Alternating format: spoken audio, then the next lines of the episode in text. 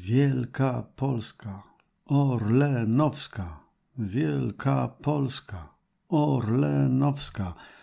Pierwszy raz zdarzyło mi się skandować tytuł odcinka, ale no, wakacje są, coś trzeba, coś trzeba robić, coś może innego. Y, moi drodzy, ten dzisiejszy odcinek, no znowu spóźniony, ale zakładam, że wybaczycie. Ten dzisiejszy odcinek będzie kilkuwątkowy. I nie zaczniemy wcale od Orlenu, chociaż o Orlenie dzisiaj też będzie. Zaczniemy od sztucznej inteligencji. No bo jak tak sobie uruchamiam y, przeglądarkę w moim telefonie, no to tam na tej stronie startowej jest taki przygotowany mi przez Google feed ileś y, artykułów, linków do artykułów, które zapewne miałyby mnie zainteresować. No i tutaj właśnie ta sztuczna inteligencja. Ja zakładam, że te algorytmy Google'a które właśnie mi proponują te artykuły, no to jest właśnie emanacja sztucznej inteligencji Google'a. No i, i dobór jest ciekawy w pewien sposób i, i, i treść jest też ciekawa. Słuchajcie, bo wcale nie musiałem scrollować jakoś szczególnie tego ekranu. Na, nie wiem, trzeciej, czwartej pozycji wystrzelił dzisiaj taki oto artykuł. Ile razy można założyć ten sam stanik? Ekspertka wskazuje jasno. Ja rozumiem, że są wakacje, ja rozumiem, że my jesteśmy na urlopach i może trochę nam się intelektualne y, jakieś oczekiwania, te poprzeczki, które sobie stawiamy, obniżają, ale słuchajcie, aż tak? Aż tak? Mi oczywiście nie chodzi o to, że Google nie rozpoznał, że jestem facetem, może niekoniecznie ten element bielizny mnie interesuje, no słuchajcie, znaczy, ile razy można założyć ten sam stanik, ale zanim się rozleci, czy tak bez prania między wkładaniem, czy no to są odpowiedzi dość jasne, bo to na pewno zależy od marki. Są lepsze i gorsze staniki. Jedne można założyć więcej razy, a, a drugie z kolei mniej razy. Z kolei jak często, czy też jak e, wiele razy można założyć ten sam stanik bez prania, to oczywiście zależy od tego, na ile powonienie ktoś ma czułe i tak dalej, i tak dalej. Ekspertka wskazuje jasno. Dla mnie bardziej niewątpliwie atrakcyjny, intrygujący tytuł byłby, gdyby e, ekspertka wskazała ciemno. No, to by było interesujące. Wskazała jasno, tak słabo, poza tym, słuchajcie, prawda? Naprawdę jesteśmy na tym stadium rozwoju cywilizacyjnego, że dorobiliśmy się ekspertek od liczby zakładania tego samego stanika jako gatunek chyba naprawdę musimy, musimy wymrzeć. No dobra, ale co z tym, co z tym Orlenem? Zainspirowała mnie informacja, zainspirowała mnie do stworzenia tego odcinka informacja o tym, że Orlen chce przejąć pewną część rynku obsługiwanego do tej pory przez pocztę. Jak wiecie, jak się pewnie już zorientowaliście, Orlen to jest taka nasza nowa duma narodowa. On y, rośnie, głównie rośnie przez pochłanianie kolejnych innych państwowych firm, czy też firm, w których państwo miało y, znaczące udziały. Tutaj Lotos przecież nie jest jedyną taką firmą, choć być może najszybciej nam przychodzi do głowy. Orlen ma szerokie ambicje. To znaczy, ambicje tak naprawdę ma były wójt Pcimia, co to Orlenem zawiaduje i z jakichś tam względów cieszy się chyba niezwykłą sympatią pana Kaczyńskiego, od którego, jak wiemy, w Polsce dziś zależy bardzo dużo. Na pewno losy pana Obajtka od tego zależą.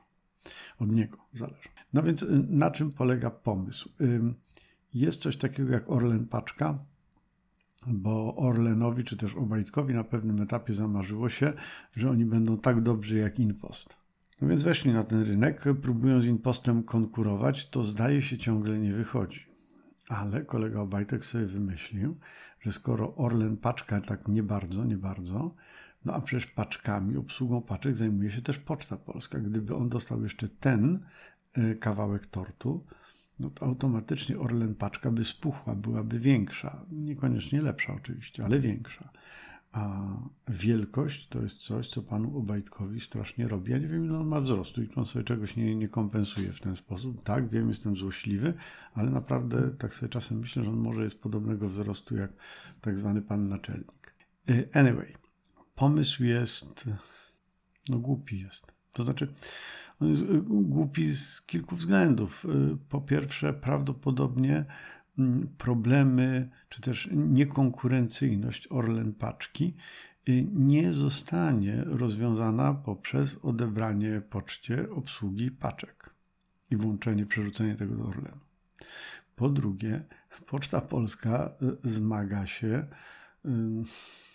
no, z rynkiem, ze zmianami technologicznymi. Słuchajcie, to jest to, co ja często opowiadam na moich wykładach, że nawet jak ktoś ma monopol, a rzeczywiście ci krajowi operatorzy pocztowi bardzo często w swoich krajach mają monopol na pewne usługi pocztowe, to nawet taki monopolista wobec zanikającego popytu może mieć strat. I to jest właściwie e, zjawisko, które występuje na całym świecie.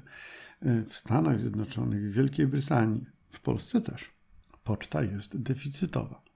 No bo łatwo sobie sprawdzić, ile kosztuje dzisiaj znaczek na list. Ja nawet nie wiem, ale kosztuje bardzo mało. Poczta Polska ma obowiązek utrzymania takiej infrastruktury na terenie całego kraju, żeby każdy obywatel, który tutaj mieszka, niezależnie w jak odległej, malutkiej miejscowości, on musi mieć możliwość otrzymania listu. Czyli my piszemy list do kogoś w jakiejś malutkiej wioseczce, gdzieś przy granicy, gdziekolwiek, tak, na drugim końcu Polski. Kupujemy znaczek i to w tym momencie generujemy jakiś mikroprzychód dla poczty, a potem poczta musi ten nasz list zatargać przez całą Polskę i doręczyć temu komuś, a przecież no wiemy, listonosze niby dużo nie zarabiają, ale jednak sporo więcej niż znaczek pocztowy, niż cena znaczka pocztowego.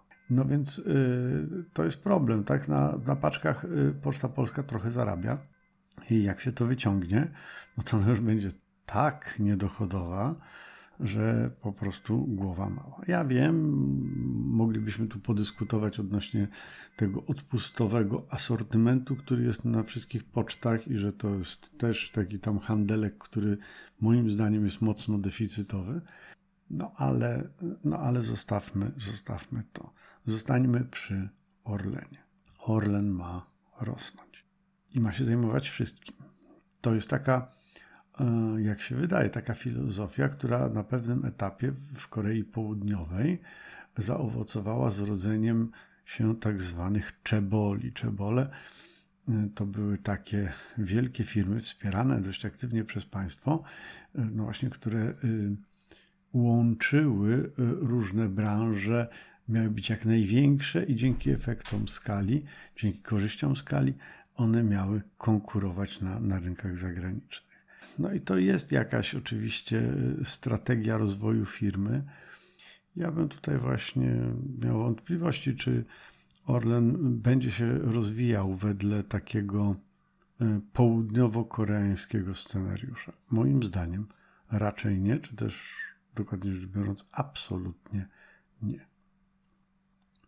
Z Orlenem pośrednio też wiąże się e, to, co nowe, a nowe dzisiaj jest to, że zapoznaliśmy się z pierwszym pytaniem referendalnym. Bo nie wiem, czy wiecie, ale już wiemy, kiedy będą wybory, a przy okazji wyborów PiS zamierza też zorganizować referendum.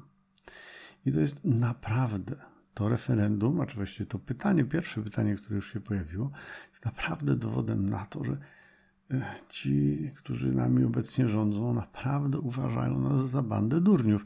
I tak jak mówiłem w jednym z ostatnich podcastów, ja się obawiam, że nie bezpodstawnie.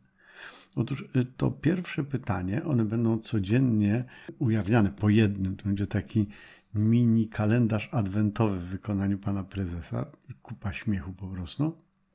Ale pierwsze pytanie jest szalenie zaskakujące, bo to jest pytanie, czy my jesteśmy za tym, żeby wyprzedawać polski, nasz majątek, oddawać go w obce ręce.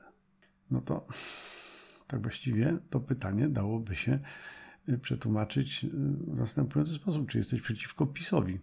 No bo przecież właśnie nikt inny jak PiS y, wywalił z naszych rąk, takich narodowych rąk, cały lotos. No właśnie po to, żeby podkarmić apetyty pana Odbajtka. Tak? I wiecie, no nie wiem, jakie będą kolejne pytania y, tego referendum, ale wydaje się, że naprawdę jesteśmy trochę traktowani jak idioci. No i nie bezpodstawnie, no ciągle te 30% społeczeństwa jednak gdzieś tam na PiS chce głosować. To jest ponad 30%. Y, piesek nam tu stuka pazurkami, słuchajcie, ale nic na to nie poradzę. Nawet jeśli to słyszycie, to musicie to znieść, bo jego wzięło na chodzenie po całym mieszkaniu. Hagi, jakbyś się mógł gdzieś położyć, to byłoby super. Y, dobra, nie będę tego wycinał. To jest odcinek wakacyjny. Zobaczcie, jak toczy się życie y, w domu, gdzie nagrywa się podcasty. No i cóż, o Orlenie mówiliśmy, o referendum mówiliśmy.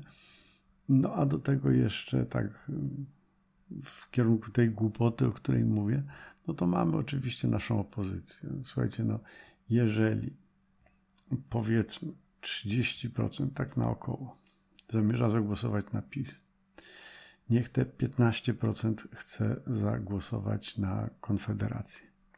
To jest 45%.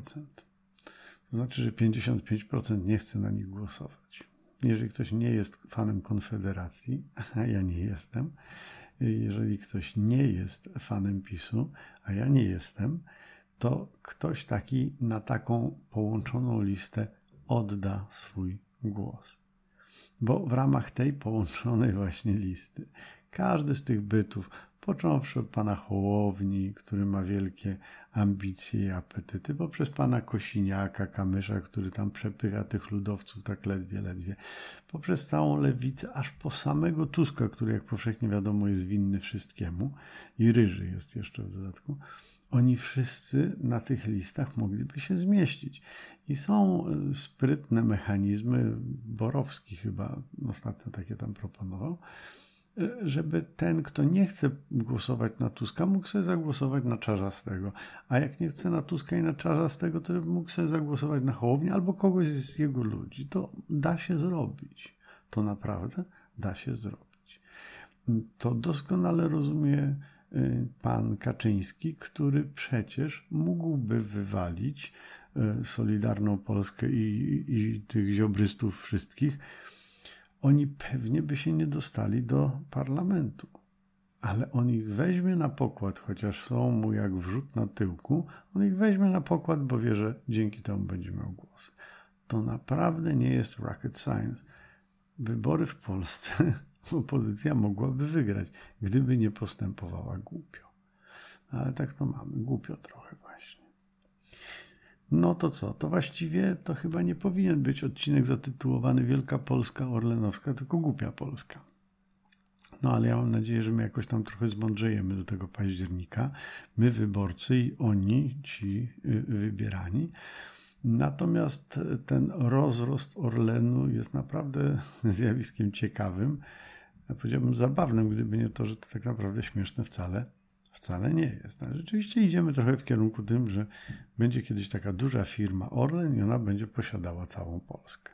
No to oczywiście jest żart, ale tak jak wspomniałem, są wakacje. Pożartować też możemy. Następny odcinek będzie zdecydowanie poważniejszy. To Wam obiecuję. E, do usłyszenia. A jeszcze chciałem Wam podziękować bardzo za udział w Waszej sądzie i ci, którzy dotrwali do końca odcinka, a nie wzięli udziału, to na karcie społeczności ona ciągle jeszcze jest, nie jest zamknięta. No wygląda na to, że jednak przygniatająca większość z Was chce dalej tych odcinków. No dobra, znaczy ja to robię w dużej mierze dla Was. Jeżeli Was dalej bawi słuchanie tego, no to będziecie musieli słuchać już w najbliższym tygodniu. Raz jeszcze. Do usłyszenia.